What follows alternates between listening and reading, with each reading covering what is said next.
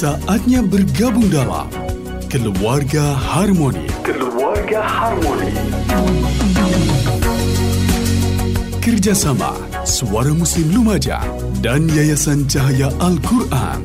Jalan Diponegoro nomor 80, Jogoyudan Lumajang.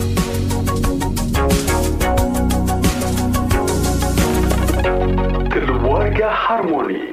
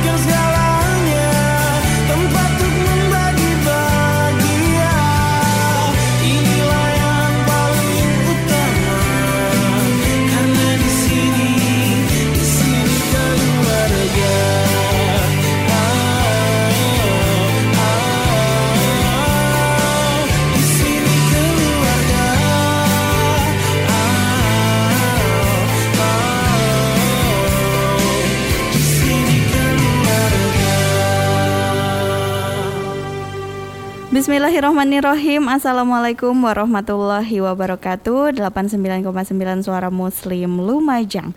Mitra muslim sudah sewajarnya kita meminta maaf setiap kali berbuat kesalahan Atau juga membuat orang lain tersakiti.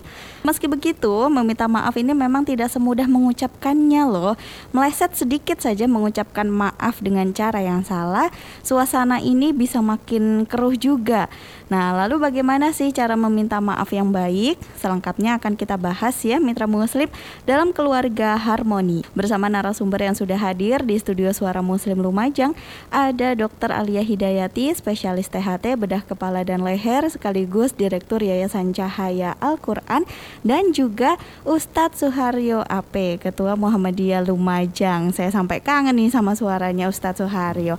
Saya sapa dulu beliau berduanya. Assalamualaikum. Waalaikumsalam warahmatullahi wabarakatuh. Sehat Ustadz? Sehat, alhamdulillah. Udah lama ya nggak mendengar suaranya Ustadz Haryo banyak kegiatan kayaknya. Enggak juga sih, cuma sekali kok. Bu dokter gimana Bu dokter? Semangat? Mas, alhamdulillah ya. Lihat Mbak Kiki Ustadz Haryo sehat, senang rasanya ya. Alhamdulillah saya juga sehat ini. nah, di sini Mitra Muslim kita membahas tentang tema mungkin banyak yang bingung ya ngelihat flyernya kita. Maaf ya versus iya maaf. Sebenarnya kalau misalkan kita mendengar intonasinya sih, kalau menurut tulisan itu kan cuma maaf ya versus ya maaf. Tapi kalau kita baca lagi, maaf ya versus Ya maaf, agak-agak gimana gitu. Nah sebenarnya perbedaannya tuh seperti apa sih Bu Dokter? Iya baik. Jadi eh, sebenarnya ini eh, intinya itu kan perkara adab ya. Eh, sebenarnya adab ini eh, harus lebih mendahului daripada ilmu. Nah, nanti adab, ilmu, amal atau iman. Nah itu. Nah, jadinya begini nih. Eh, kalau kita ilmunya kurang tapi adabnya bagus itu dinasehatin lebih gampang lembutnya hati. Tapi kalau ilmunya yang lebih tinggi, adabnya kurang itu kadang suka salah paham kalau dinasehatin kan. Nah, maka dari itu terkait dengan eh, tema kita kali ini adalah maaf ya dengan ya maaf kan beda. Mm-mm. Jadi kesannya kayak ngeremehin kayak nggak tulus gitu loh. Mm-mm. Nah, kalau eh, terutama ini kan menyorot eh, kebiasaan ini ya anak-anak muda milenial Iya. biasanya, tapi tidak menutup kemungkinan yang usianya di luar itu gitu loh. Nah, eh, satu kita semua ini kan manusia yang diciptakan oleh Allah sesuai sifatnya dan dari bahasanya ya insan ma- apa namanya manusia itu eh, adalah makhluk yang eh, sering bikin kesalahan karena sering lupa ya lupa apa pun yang sudah diucapkan yang sudah dijanjikan itu sering lupa makanya eh, perkataan maaf ini seharusnya harus sering menyertai kita dan harus serius diucapkan dan harus betul-betul tulus untuk dilaksanakan gitu loh. Jadi ya maaf ya gitu bukan ya maaf ya. Kalau itu kan terpaksa kayak "Eh, aku kan udah minta maaf nih gitu loh. Kok Yang- masih yang, penting kan Oh, udah minta oh. maaf. Mm-mm. Kok masih enggak di ini berat banget ngasih maaf kan gitu-gitu Iya, iya. Nah, namanya juga manusia. Kita bergaul dengan sama manusia ini kan makhluk-makhluk yang punya perasaan ya. Mm-mm. Nah, kalau kita pas eh, digituin sama yang sama orang lain gimana perasaan kita? Dan harusnya kita harus tepo seliro lah, apa toleransi lah, maksudnya begitu. Hmm, Jadi emang harus intinya lebih bersungguh-sungguh lagi dalam meminta maaf seperti itu ya. Iya. Nah, kalau untuk meminta maaf cara yang terbaik dan juga benar itu seperti apa? Nah, ini Ustadz Haryo yang harusnya Oke, siap. menjelaskan. Kangen nih saya juga Iya. ini. Pasti mitra muslim juga kangen Iya, nih. masuk saya terus ya. Enggak Ustadz? Memang Orang cerdas itu pinter membagi kan, peluang. Kena deh. Semua kata, semua kalimat itu sifatnya netral ya, kecuali kalau kita sertai dengan rasa, dengan apa perasaan ketika mengucapkan itu, ada nilai. Misalnya kerapan sapi ya itu kan biasa. Tapi kalau misalnya yang mengucapkan kerapan sapi, kerapan sapi, beda. Orang cenderung akan lari. Tapi kalau baca kerapan sapi biasa. Tinggal bagaimana kita mengucapkannya. Maka ketika kita akan mengucapkan minta maaf, sertakan perasaan kita supaya ada nilai pada ucapan itu. Mohon maaf ya, saya salah. Yang akan yang merespon itu juga akan berbeda. Oh iya, saya maafkan. Bukan ya bukan mengucapkan sekedar basa-basi. Dalam Islam itu kan begini, orang yang takwa itu ya dalam proses komunikasi sosial itu harus ada sikap apa memberi maaf. Dan memberi maaf itu juga harus tulus. Kadang-kadang kita kan cenderung meminta maaf, padahal sebenarnya memaafkan orang lain itu jauh lebih mulia. Hmm. Walaupun sebenarnya tidak terucap, di hatinya diplongkan dulu, ada perasaan yang, "Oh, ya orang itu pernah salah ke saya, walaupun nggak datang ke saya, saya maafkan sekarang." Gitu. Ya. Itu jauh lebih dalam lagi itu ya. Ya kalau sekedar ekspresi tanpa makna itu tidak membekas. Maka orang ceramah itu akan ada beda. Orang yang ceramahnya itu leher ke atas atau orang bicara leher ke atas itu bersarangnya hanya pada leher ke atas. Tapi kalau bicara dari leher ke bawah di hati, maka akan bersarang di hati orang yang mendengarkannya itu. Di situ letak kualitas seorang penceramah itu biasanya dari mana dia bicara. Ya kalau selesai di otak ya sudah, selesai selesai. Hanya menjadi wacana, ya mengesankannya sepintas. Tapi kalau dari hati, sekali berucap itu kualitasnya terus berkepanjangan, orangnya sudah meninggal dunia pun masih dikenang gitu. Nah ini kalau ah, dalam konteks kalimat tadi maaf versus ma- ya maaf itu ya mari saya saya mengajak kepada siapa pun beri nilai pada ucapan itu berikan bobot lah supaya benar-benar mengesankan dan di dalam proses itu ada keikhlasan yang tinggi itu antara lain Antara gitu. lain. Selanjutnya ini dari Bu Dokter. Ya, jelas jelas tuh ya Yang Jelas ya. Oke, monggo Bu Dokter. Eh, iya. Nah, sebenarnya itu di dalam agama ini ya, dari juga diajarkan ya. eh, Allah dan Rasulnya Muhammad SAW itu eh, sudah mengajarkan kalimat yang indah sekali untuk eh, persoalan maaf ini ya. Yang ini kalimat yang utama sekali biasanya diucapkan dalam bulan Ramadan. Doa ya Allahumma innaka afun tuhibul afwa fa'fu anni. Nah ini kan perkara maaf ya. Jadi ya Allah sesungguhnya engkau maha pemaaf. Maka engkau ini mencintai kemaafan. Sehingga maafkanlah aku ya Allah. Jadi dari kalimat ini aja kalimat rayuan untuk minta maaf ya. Untuk minta maaf ini eh, secara serius itu teksnya itu kata-katanya kalimatnya itu sebenarnya udah dibikinin sama Allah gitu loh. Nah itu sebenarnya kita harus contoh kalau kita meminta maaf sama manusia pakai teks atau kalimat yang ada rayuannya gitu loh supaya hatinya luluh ya maksudnya begitu nah apa hubungannya kok apa eh, sampai sampai dibikin sama Allah ini teks yang begitu indah untuk meluluhkan melembutkan hati ini karena ternyata kalau kita ini banyak-banyak mencari kemaafan dari Allah Subhanahu wa taala itu caranya salah satunya dengan banyak-banyak memaafkan manusia gitu. Hmm. Nah, harapannya kalau kita banyak-banyak maafkan manusia, Allah pun juga akan eh, mudah memaafkan kita. Kalau kita pendendam, pendengki seumpama ya eh, wah aku udah minta maaf, udah dasar orangnya dan itu kan udah dia nggak tulus ya. Iya. Kadang nggak ada gerundelan seperti Iya. itu sebenarnya sih. Nah, kalau kita memang salah, jangan pakai syarat dan ketentuan. Udah maaf aja ya. Minta maaf tulus, serius. Perkara dia mau maafin apa enggak, biarlah Allah yang menyaksikan, yang mewakili, yang apa eh, menyelesaikan selebihnya lah. Kita ini kan eh, ikhtiar kita ini kan eh, hanya satu persen dari segala keberhasilan kita kan.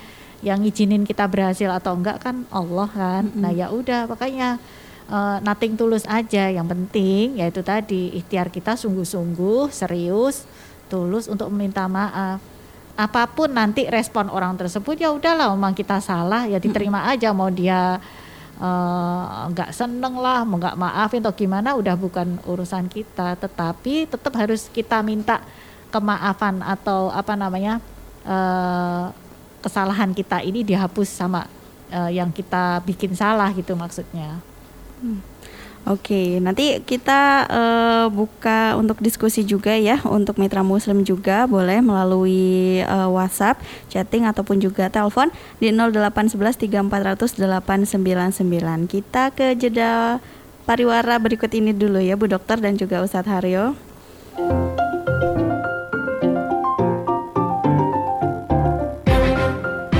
Anda masih bersama Keluarga Harmoni Kerjasama Suara Muslim Lumajang dengan Yayasan Cahaya Al-Quran Jalan Diponegoro nomor 80 Jogoyudan Lumajang Keluarga Harmoni segera kembali. Mitra Muslim kembali lagi dalam program Keluarga Harmoni dan kita masih dengan tema maaf ya versi ya maaf. Gitu nggak sih Bu Dokter gayanya? Jadi kita harus bersungguh-sungguh mitra muslim dalam uh, meminta maaf. Seperti yang tadi sudah disebutkan Ustadz Haryo juga harus dengan ekspresi juga gitu. Tambahan-tambahan kata supaya meyakinkan bahwa kita ini bersungguh-sungguh meminta maaf gitu. Nggak hanya sekedar yang diucapkan uh, Dokter Aliyah tadi hanya sekedar minta maaf udah beres gitu. Jangan jangan seperti itu juga dan kita ini masih membahas tema itu Mitra Muslim. Saya juga masih mengajak Anda untuk berdiskusi bersama kami bertiga di sini di 0811 3400 899. Nah, apakah kita ini harus meyakinkan bahwa permintaan maaf kita ini sudah benar-benar diterima dan juga dimaafkan? Gimana nih Ustadz? Ya, soal diterima atau tidak itu terletak pada orang yang kita minta maaf. Mm -mm. Ya kewajiban kita itu sudah luarkan unek-unek kita untuk meminta maaf. Diterima atau tidak, ya kita nggak tahu ya mm -mm. apa hati seseorang. Iya. Tapi begini, pertama menyangkut cara meminta maaf itu ya lakukan seikhlas mungkin, sebaik hmm. mungkin dan kalau perlu cari momentum yang tepat gitu bukan di sembarang tempat eh semuanya ya gitu itu kan ya carilah kesempatan yang paling bagus sehingga permohonan maaf kita itu bisa diterima kalau perlu ada reason ada hmm. alasan-alasan hmm. yang disampaikan hmm, saya okay. waktu itu uh, Oke, sepertinya ada yang mau gabungan dulu oh, nih Ustadz okay, nih. Okay, Kita terima dulu ya Ustadz ya. Okay. Assalamualaikum.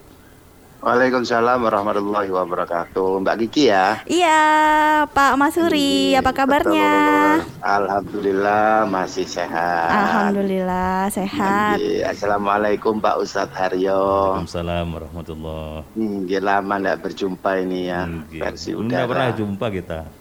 Iya, assalamualaikum Bu Dokter. Waalaikumsalam. Ini temanya menarik ini. Maaf ya, ya maaf. Sebenarnya kalau dari melihat tema itu ya, eh, ini masalah ketulusan dan keikhlasan saja. Jadi kalau kalau melihat tema maaf ya, ya maaf itu antara ikhlas dan tulus orang memaafkan dan eh, dimaafkan cuma itu saja. Tadi juga uh, disinggung oleh Bu Dokter ya masalah uh, sudah diberi tuntunan untuk pilihan kata bahasa yang indah untuk meminta maaf sempat disebutkan oleh Dokter Allahumma inna ka'afun karimun tuhibul afafwani nah itu memang alhamdulillah uh, sering saya ucapkan uh, setelah selesai sholat. Uh, namun pertanyaan saya, uh, gimana kalau kita memaafkan seseorang tetapi tidak di hadapan orang yang pernah berbuat salah hmm. kepada kita. Jadi kita cuma dalam hati saya ya wis tak sepuroni awakmu sing tahu salah nang aku. Nah, ini gimana menurut uh, Pak Ustadz Darja maupun Bu Dokter? Ya, matur nuwun. Assalamualaikum warahmatullahi wabarakatuh. Waalaikumsalam warahmatullahi wabarakatuh. Oke, itu tadi dari Pak Mas Huri. Semoga kita diberikan kesehatan terus ya, Pak Mas Huri ya. Monggo Ustadz silakan ditanggapi. Ya, di dalam redaksi Al-Qur'an itu ada kalimat wal afina anin nas.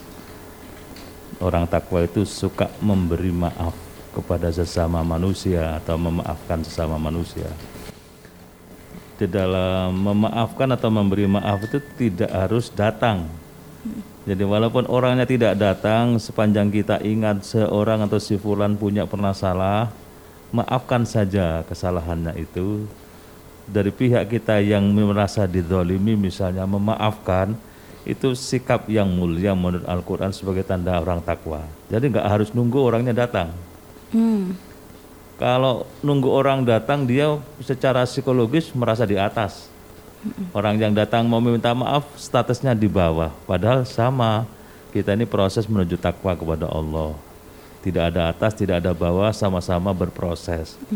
Yang satu proses meminta maaf, yang kedua yang satunya proses memberi maaf itu dibutuhkan sikap legowo juga.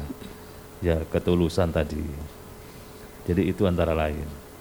Oke, mungkin Bu Dokter silakan. Iya, eh, jadi eh, bagus sekali ya pertanyaannya Pak Mas Huri ini karena eh, justru bukan perintah meminta maaf dalam agama kita ini yang ada adalah perintah memaafkan. Hmm. Nah, kan pujian bagi yang memberi maaf, pujian ya, dipuji sama Allah dan janji pahala tak terhingga bagi yang mengampuni atau memaafkan kesalahan sesama. Mengapa begitu at- eh, aturan agama ini? Sebab agama Islam ini mengajak manusia fokus beribadah kepada Allah. Maka segala yang mengganggu tujuan itu harus dibersihkan. Salah satu pengganggu fokus hati kita dekat sama Allah itu adalah ketika kita belum memaafkan sesama. Ada rasa nggak tentram, nggak nyaman, sumpek lah gitu loh. Nah, sering kali ini memaafkan bukanlah karena orang yang bersalah layak dimaafkan, tetapi memaafkan itu bagi kita adalah karena kita sungguh berhak untuk dianugerahi ketentraman hati agar hati ini fokus pada tugas kehambaan pada Allah semata. Kalau kita ini eh, oh enggak kok enak banget, kok gampang banget ya dia tak maafin. Nah, itu kan jadi akhirnya mengusik kolbu kita ya. Jadi kita mau ngapain inget kan? Nah, Allah tuh enggak rela kita nginget-nginget orang lain yang mengganggu ke apa kedekatan kita sama Allah. Allah itu kan maha pencemburu gitu loh. Jadi udah dilepasin aja gitu loh. Itu biar urusannya Allah apa bahasa sederhananya begitu. Karena Allah itu maha teliti, maha adil, ya, maha menghisap lah segala perkara ini. Jadi nggak mungkin lah seumpama kita oh ya udah saya eh, apa kita nggak nggak ini biar kita tenang, tentram, bahagia, kita maafkan kesalahannya walaupun dia belum minta maaf. Kemudian nanti Allah juga eh, selesai urusannya nggak begitu. Urusan ini tetap jalan. Tetapi Allah seadil-adil yang memberi keputusan akan apa namanya yang menghitung, yang memfonis semuanya. Tidak perlu kita ikut bersusah payah menghitung-hitungnya gitu loh. Nah kalau kita bersusah payah menghitung-hitungnya, kita keinget orang terus ya orang itu yang bikin salah masih keinget terus. Kemudian kita juga eh, jadi galau, kok dia nggak ngerasa ya, Iya. kok dia bikin salah ya. Waduh memang keterlaluan. Apa dia nggak inget ya zaman dulunya? Aduh udah panjang kan jadinya. Iya. Pernah juga sih kadang kayak ada di hati itu terbesit yang Iya. seperti itu. Hmm. Aduh, kok, kok tega ya, ya Allah. gitu. Apa salahku ya Allah, kok gitu ya. Aduh, nggak selesai-selesai kan. Iya. Sudah cerahkan aja sama Allah, biarlah Allah nanti yang hitung-hitungan. Ya, kita biar lebih mendekat sama Allah, nggak ada jarak ya antara kita dengan Allah. Nah, sehingga apa pun doa yang kita apa namanya panjatkan, insya Allah akan tertunaikan. Nah daripada ngurusin satu orang itu terus ya, nah itu kan jadi akhirnya ini ya jauh di mata dekat di hati ya kan? Karena nggak pernah ketemu. nggak pernah ketemu tapi di sini Iya, masih jengkel di hati. gerundel Heeh, jengkel di hati. Nggak selesai-selesai. Ini kita nggak bisa move on jadinya. Ya. itu kalau misalkan kita keselnya sama satu orang. Nah gimana kalau ternyata kita keselnya banyak sama banyak orang? Nggak selesai itu kayaknya ya. Jadi lebih diserahkan lagi ke Allah gitu ya Bu Dokter Iya, ya. betul. Oke, nah mungkin tadi eh, Ustadz Haryo mau melanjutkan tadi kalau kita harus mencari momentum yang tepat juga untuk meminta maaf. Iya. Lihat dulu situasinya ya, minta maaf pada orang itu. Pas orang pas emosi, minta maaf ya tambah gitu. Maka kalau pada orang terdekat, suami istri misalnya, selesaikan persoalan itu, sikap saling maafkan maafan itu ya di tempat yang paling strategis. Wah, ini Nggak apa-apa keluarga harmoni. ya sama-sama kan, sama-sama sudah tua gitu. Saya masih muda. Ya, enggak tua pengalaman maksudnya. Jadi selesaikan seluruh persoalan di tempat-tempat istimewa sehingga selesai plong gitu. Kadang-kadang kita lupa bahwa pasangan suami istri itu adalah orang yang paling kita butuhkan. Yo, kita jengkel, ternyata di balik jengkelnya itu ada ke- ada keperluan juga. Hmm. Setidaknya salepan di pintu. Hmm.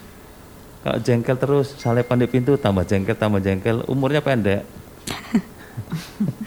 Gitu ya, mempengaruhi kesehatan juga Nah, ya. Ada psikologisnya begitu. Hmm. Jadi satu momentumnya yang tepat, kemudian cari kesempatan yang paling baik, tempat yang paling strategis, dan bahasa yang paling menyentuh. Hmm, Nah ini bahasa itu yang perlu kedewasaan juga.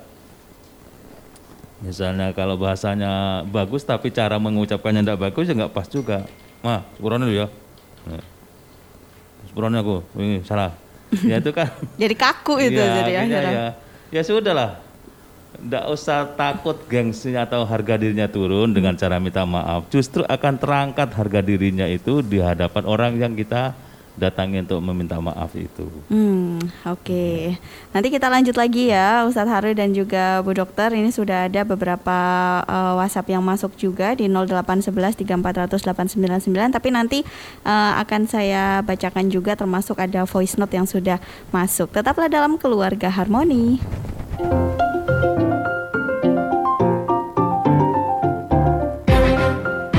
Anda masih bersama Keluarga Harmoni Kerjasama Suara Muslim Lumajang dengan Yayasan Cahaya Al-Quran Jalan Diponegoro nomor 80 Jogoyudan Lumajang Keluarga Harmoni segera kembali Kembali lagi dalam keluarga Harmoni Mitra Muslim. Terima kasih ini untuk Ibu Risa yang selalu stay tune ya dalam program Keluarga Harmoni. Eh, mau tanya, ada beberapa sih yang sudah tadi terjawab oleh narasumber kita ya. Kalau minta maaf lewat online, bagaimana hukumnya nih Pak Haryo? Seperti itu. Ada dua pertanyaannya. nah, bagaimana dengan orang yang tidak bisa memaafkan seseorang jika dilihat dari segi kesehatannya? Nah, ini jadi eh, pertanyaannya satu-satu dari Bu Risa. yang satu untuk Ustadz Haryo, yang satu untuk Dokter Alia. Nah, mungkin dari Ustadz Haryo dulu, kalau minta maaf lewat online, gimana nih hukumnya Pak Haryo? Ya, Ustadz itu Haryo. menyangkut cara saja ya. Tapi pastikan yang jawab orang yang diminta maaf itu. Jangan-jangan anaknya yang jawab. Jadi, Salah ya? ya, ya khawatirnya kan begitu karena nggak jelas. Hmm. Ya, tapi kalau kita menghargai teknologi modern, saya kira boleh-boleh saja. Ya, kalau bisa apa ditelepon lah gitu ya. Nggak apa-apa boleh. Nggak apa-apa ya. Nggak apa-apa. Asalkan Wajib. suara kita pun juga harus terdengar bersungguh-sungguh gitu ya. Iya, artinya orang sudah orang sudah mencet nomor itu akan ada kesungguhan untuk meminta maaf, hargai sikap itu. Kemudian diperlukan kedewasaan bagi yang menerima. Nah, untuk memaafkan itu kan tidak semua orang punya ke- kemampuan untuk bisa bersikap seperti itu. Ada Iya. saja yang berat, uh saya sakitnya sampai di sini gitu. Heeh, Ini sakitnya ada- di sini. iya. itu biasanya orang yang suka mengingat-ingat kesalahan orang lain dan itu rugi sendiri sebenarnya. Hmm. Di hati kita ini seberapa banyak orang yang kita simpan namanya karena kesalahan-kesalahannya atau yang kita anggap salah. Di situ letak bahwa diri kita itu punya beban. Hmm, hmm. Kalau kita nggak punya ingin tidak punya beban ya lupakan semua, selesaikan semua, plong, bersih tinggal bagaimana kita zikrullah, memperbanyak ibadah, itu lebih bagus dan lebih indah hidup ini. Ya, cobalah mulai hari ini kita menata hati kita supaya tidak ada nama-nama yang kita anggap blacklist ya. yang kita blacklist di situ kemudian karena kesalahan-kesalahan yang kemudian numpuk-numpuk numpuk-numpuk sampai kita tua nggak terasa. Hmm. Bahkan ada salah seorang ini almarhum sudah ya pasangan suami istri yang cemburu itu kepada orang yang dicemburoni itu sudah meninggal. Oh, Ada loh begitu itu. Nah ini kan numpuk-numpuk di hatinya. ya. Tidak saya sebut namanya saya khawatir dosa ya. Eh, Tapi ada cemburu kepada wanita yang wanita itu sudah meninggal coba. hmm, Ini, ini manusia itu kadang-kadang kan aneh. mm-mm. Suka membe- membebani dirinya yang semestinya yang mes- semestinya itu bisa dilupakan. Kita belajar nyegoro nah sering saya katakan nyegoro ya. Mm. Hati kita itu jembar, luas sehingga hal-hal kecil tidak tidak jadi perhitungan, tidak menjadi beban dalam hidup ini. Oke. Jadi eh, sebenarnya nggak apa-apa ya kalau online apalagi kalau misalkan kita punya masalahnya dengan orang jauh gitu. Ya. Hmm, Oke. Nah selanjutnya ke Bu Dokter, bagaimana dengan orang yang tidak bisa memaafkan seseorang jika dilihat dari segi kesehatannya? Tadi sempat sedikit kita bahas ya Bu Dokter ya. Iya, baik ya Bu Risa ya. Eh, banyak banget sih ya pasien jenis seperti ini ya, ya jadi bikin praktek ramai. jadi memang eh, dikatakan orang besar itu adalah orang yang lapang hati. Kalau eh, jiwanya kotor, busuk itu pendendam, sulit memaafkan. Nah, dendam itu pemangkas kasih sayang dan pemangkas cinta. Nah, maka bencana sekali kalau kita ini punya sifat seperti itu ya. Karena kalau kalau ini diterus-teruskan itu kan bikin hati keras, jadi kolbun mayit lah, sulit untuk dinasehati, sulit untuk eh, menerima kebenaran. Kan naudzubillah itu kan. Nah, lapang hati itu penting. Nah, kalau kita punya kesalahan sama orang lain ya, nah kesalahan itu eh, biar akan mengikuti kita terus gitu loh kalau kita nggak segera minta maaf. Ataupun kalau ada orang lain punya salah sama kita kalau kita nggak segera memaafkan walaupun orang itu belum minta maaf itu juga akan kita ingat-ingat terus kan. Akhirnya jiwa kita ini gelisah nggak tenang ya yang baper kayak tadi. Akhirnya biasanya nih kita gampang sumpek ya. Artinya apa? Kita kalau bernafas itu nggak lega nggak plong. Nah nah cepet cepet capek akhirnya nantinya jadi males gitu loh nggak nggak nggak produktif Nggak happy juga untuk menjalankan Oh, oh. Nah, raut kehidupan. mukanya juga cenderung apa ya kayak ya kayak Ditekuk terus. Berkerut-kerut gitu loh. Nah itu kan jadi penuaan dini cepat terjadi, jadi eh, ruginya banyak banget. Selain itu juga tenggorok rasanya eh, kayak orang dicekik lah, kayak eh, apa tuh namanya ada gas naik lah, pokoknya nggak enak lah rasanya. Karena ya itu mau apa aja mau makan mau apa yang keinget ya yang jengkelin itu kan. Kalau yang jengkelin banyak tambah kan, aduh ganti-ganti yang diinget sama-sama jengkelin semua kan, susah banget kan jadinya. Darah bisa tinggi ya Bu Dokter? Iya, Darah tinggi itulah. gitu jadi akhirnya. Nah, Iya, yang jelas itu terus akhirnya eh, rasanya itu gampang begah lah, rasanya di badan itu sering ngeludah-ngeludah lah, rasanya kayak sering sendawa-sendawa lah, pokoknya apa nggak enak lah. Eh, buat makanan yang jelas-jelas enak kita konsumsi halalan toyiban itu kita telan jadi susah gitu loh. Nah, Masa kita mau menyiksa diri kita ini kan gara-gara anu apa ada benturan dengan orang lain karena memang sejatinya manusia itu sama Allah untuk untuk sesama untuk muamalah ya muamalah dengan kita itu dikelompokkan menjadi dua dua kelompok satu kelompok yang mungkin membawa bunga ya eh, sesuatu yang indah-indah itu yang bikin kita selalu bersyukur gitu. Ada lagi kelompok satunya mungkin ini jenis manusia yang sering membawa duri sama kita. Ini yang bikin kita bersabar. Kan prinsip hidup itu kan ya, ya bersyukur dan bersabar. Sehingga dengan kita apa balance ya imbang di antara kedua sikap itu akhirnya kita menyadari bisa bersyukur atas nikmat Allah yang luar biasa tak terhitung. Itu fabi ayi ala irobiku matu kajiban gitu kan. Nah kan udah diajarin tuh di situ.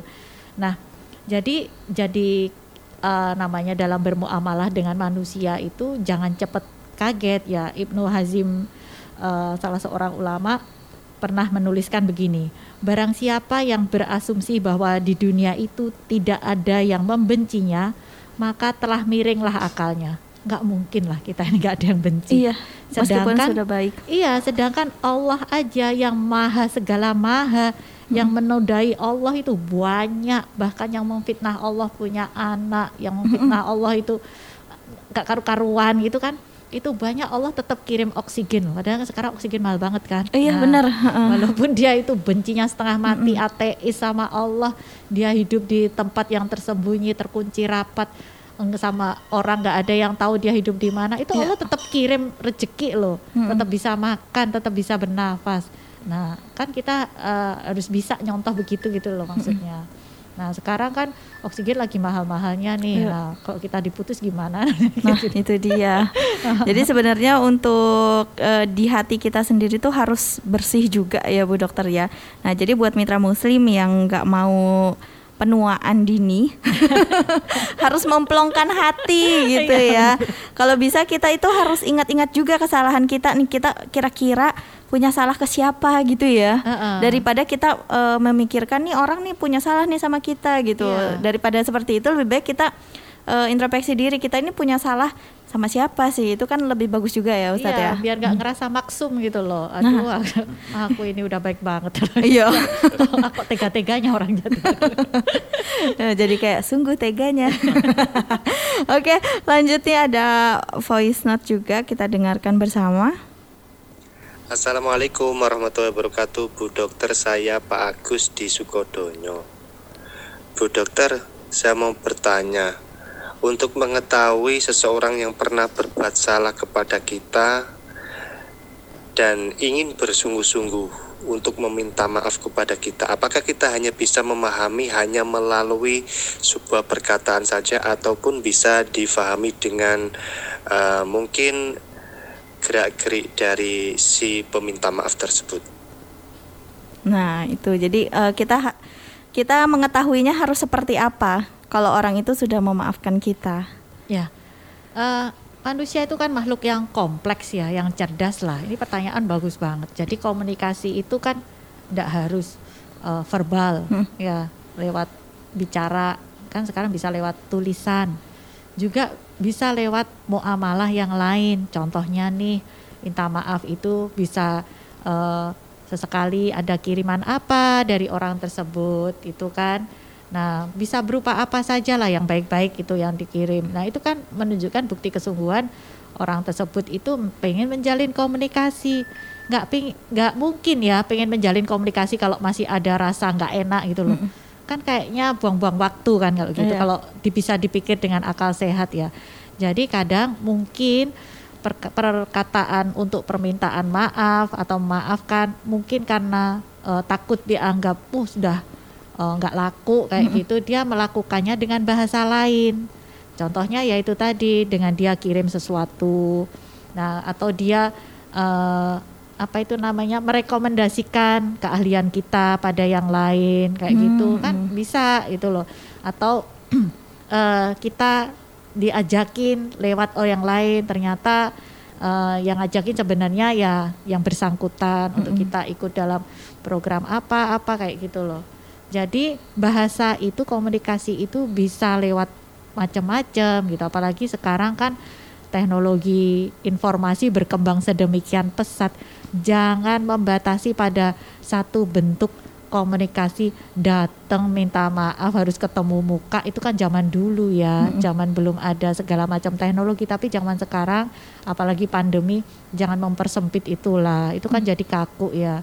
Marilah kita ini sama-sama berlapang dada. Allah aja ngajarin loh ya Eh, ngajarin udah difitnah habis-habisan ya. Ada yang menyekutukan ya tetap Allah ini kasih rezeki kok. Masuk kita enggak begitu.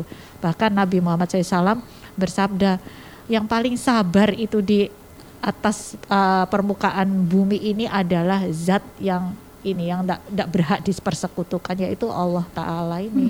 Yang saking sabarnya tetap ngasih segala macam rizki kesehatan eh, sampai lengkap semua baru dicabut nyawanya kan gitu Mm. Apalagi untuk ya itu tadi oksigen untuk akhir-akhir ini ya. iya benar Sebenarnya itu simple aja kita untuk ini oh iya kita masih diberi oksigen, masih bisa bernafas lega. Karena kan ada orang-orang yang yang sekarang ini justru bernafas aja udah mulai susah. ya Nah, baru itu. ingat betapa ini ya mahalnya ya Mm-mm. oksigen yang dulu pakai troli yang tabungnya besar itu dulu ini Juni awal dua setengah juta sekarang 9 koma loh. Iya. Ya Allah. iya itu belum regulatornya sekarang dijual terpisah. Oh, dulu ya masih seratusan berapa? Sekarang nggak sampai 150 sekarang paling murah 700 sekarang malah dijual satu setengah. Masya Allah, berarti ya ini kita harus perbanyak bersyukur lagi ya karena kita masih bisa bernafas lega, masih diberi oksigen juga ya Allah. Oke deh satu lagi nih eh, kita simak untuk voice note-nya. Assalamualaikum warahmatullahi wabarakatuh. Dokter Alia sama Ustadz Suharyo dan Mbak Kiki Semoga kita semua dalam keadaan sehat walafiat. Dokter kalau bicara uh, tentang keluarga uh, yang menjadi contoh kita bersama umat manusia, umat Islam yaitu Nabi Muhammad SAW Di masa-masa pandemi seperti ini uh, banyak orang yang uh, berpisah ya. Itu dari banyak faktor. Faktor ekonomi kemudian faktor ketidakcocokan faktor orang ketiga dan lain sebagainya. Nah mungkin bisa diberikan dokter baik itu pengalaman uh, dokter sendiri dalam membina rumah tangga ataupun juga ustadz bagaimana sih seorang Rasulullah Muhammad SAW dalam memanajemen keluarga beliau. Jadi kalau Rasul sendiri kan bisa dikatakan bukan hanya keluarga, tetapi juga kepala negara, bukan hanya kepala negara lintas uh, satu kawasan saja, tetapi uh, beliau sebagai pemimpin yang sangat luar biasa sekali. Tentu kalau dibandingkan dengan kita kita semua kan nggak ada ini ya, uh, nggak ada apa-apanya. Bahkan yang saat ini uh, kadang itu orang kan bilang kalau saya itu sibuk ya nggak ada waktu untuk keluarga anak dan lain sebagainya. Padahal kalau bicara tentang hal itu Rasul pun kan bukannya uh, beliau itu seseorang yang sangat-sangat sibuk sekali. Nah itu mungkin bisa diberikan gambaran untuk kita semua agar satu sama lain bisa saling introspeksi dan juga saling sharing. Terima kasih dokter dan juga Ustadz dan Mbak Kiki. Sehat selalu ya. Assalamualaikum. Waalaikumsalam warahmatullahi wabarakatuh. Hmm, ini lebih ke keluarga harmoninya. Nah, ini Ustadz Haryo nih jagonya kalau keluarga keluargaan ya. Jago emang. ya itu tadi tua pengalaman. Kembali lagi. Setuju, setuju. Iya. Monggo Ustadz. Oke, terima kasih dari Pak Pak Agus ya. Tadi, oh bukan Pak Agus kan tadi. Oh yang sebelumnya. Uh, uh, ya, tadi ya. kayaknya nggak nyebutin nama ya. Oke, terima kasih pertanyaannya. Ya Rasul Muhammad SAW itu adalah contoh yang tidak ada duanya, tidak nemu pembanding lah. Hmm. Beliau sempurna banget gitu. Dalam membagi waktu untuk keluarga ada sepertiga, sepertiga untuk istirahat, sepertiga untuk dakwah Kemudian Nabi itu sebagai kepala keluarga sering menegaskan bahwa keluarga yang baik itu keluarga yang tidak ada kekerasan ucapan dan tindakan fisik kepada anaknya. Suami yang baik, suami yang santun kepada istri dan anaknya. Ini ukuran-ukuran yang bisa kita apa cocokkan diri kita ini apakah kita ini sudah santun kepada istri, kepada anak atau justru sebaliknya kita suka keras, uh, sering memfonis istri sebagai pihak yang salah. Pokoknya tidak ada benarnya lah. Kalau kita ingin menjadi kepala keluarga yang hebat, cocokkan itu. Santun kepada anak dan istri, tidak ada kekerasan ucapan dan tindakan.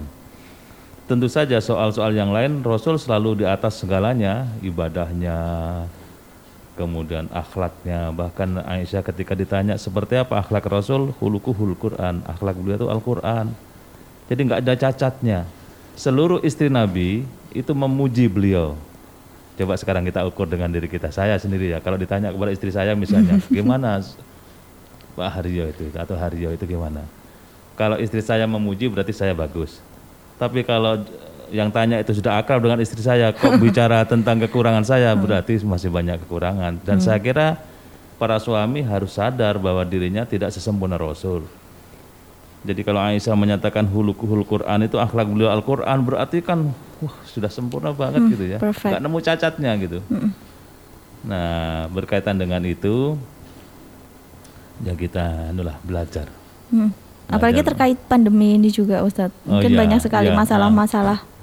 Iya, terkait dengan pandemi ini yang pertama itu yang harus dilakukan para suami itu melindungi anggota keluarga secara fisik dan doa. Dalam berdoa doa itu sebut namanya secara khusus anaknya namanya siapa, istrinya siapa supaya diberikan apa kesehatan oleh Allah. Kalau jaraknya jauh, wah ini yang ada masalah ya.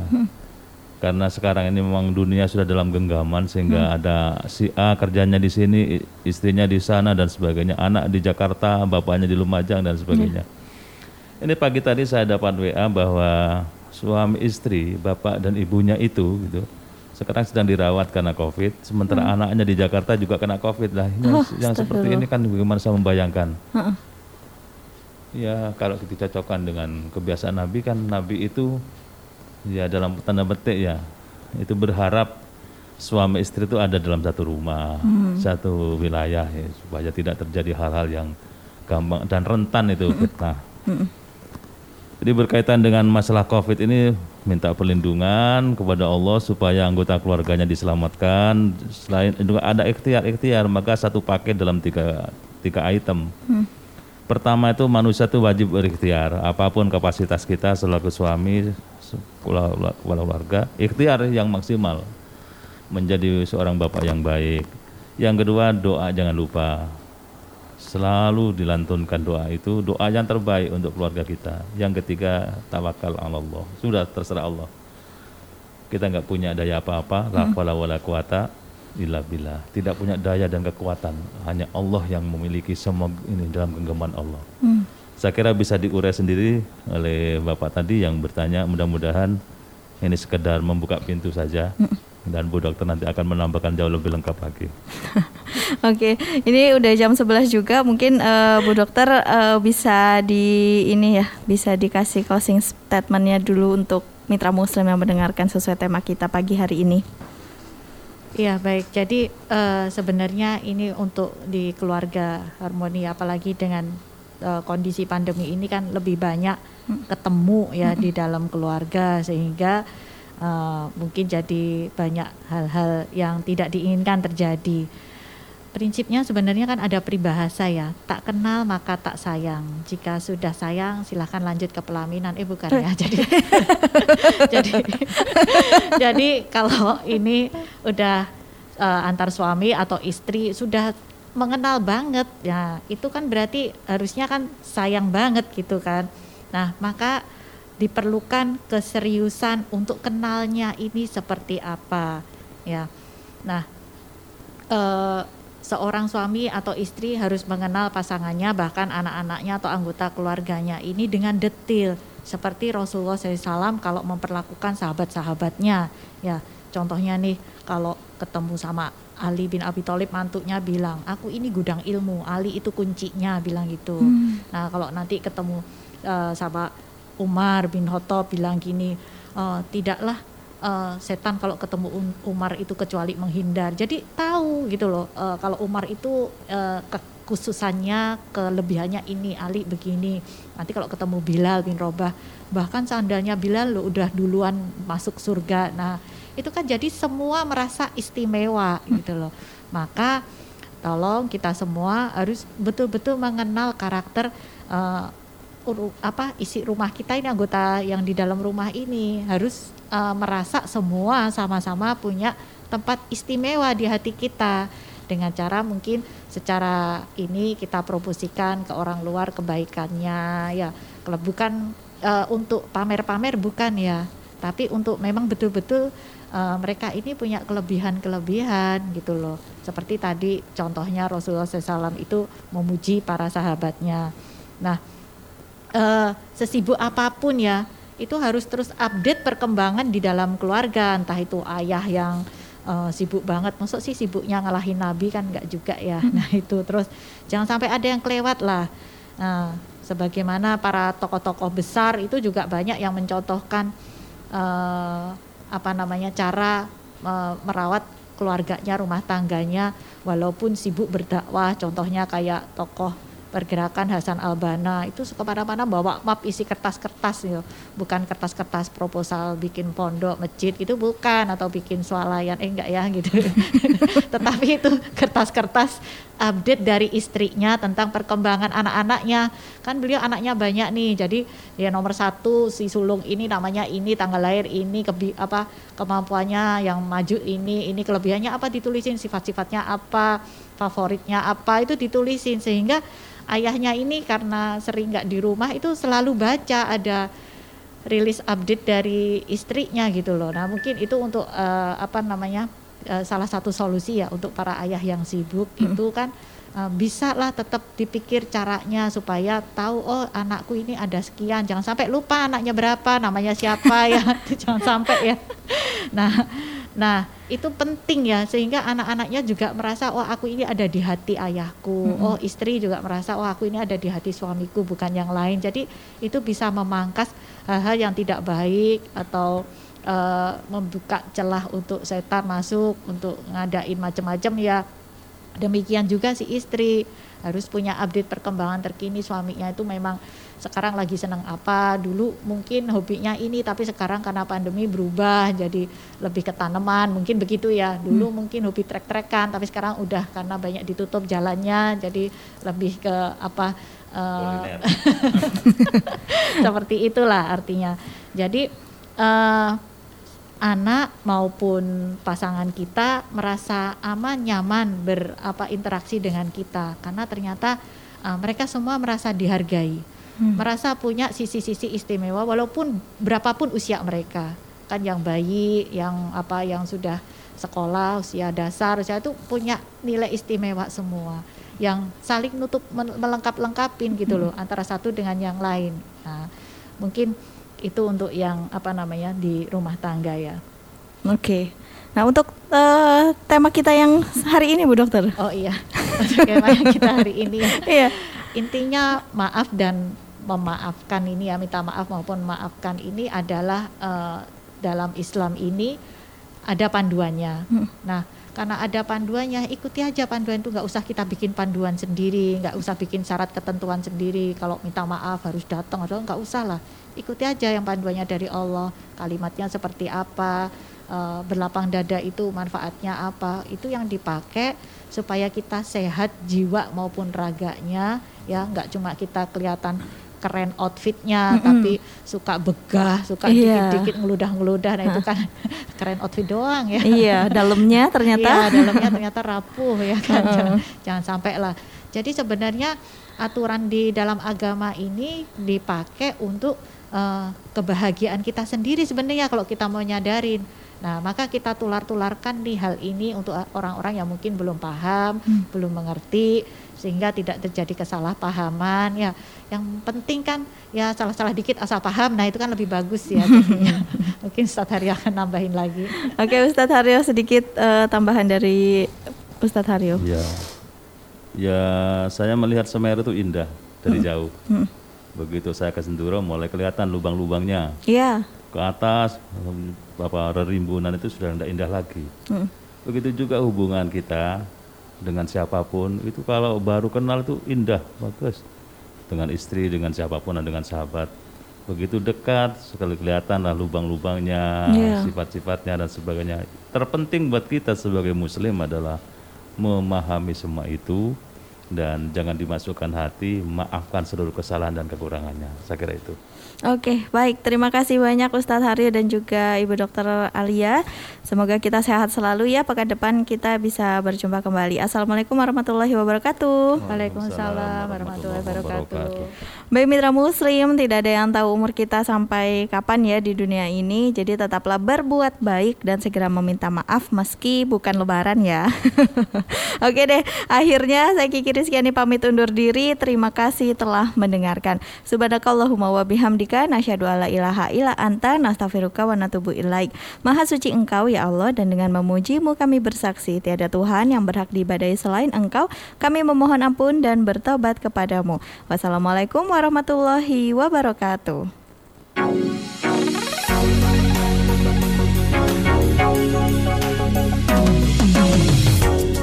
Anda telah bersama Keluarga Harmoni. Keluarga Harmoni kerjasama Suara Muslim Lumajang bersama Yayasan Cahaya Al-Quran Jalan Diponegoro nomor 80 Jogoyudan Lumajang. Terima kasih Anda telah mendengarkan. Sampai jumpa pekan mendatang.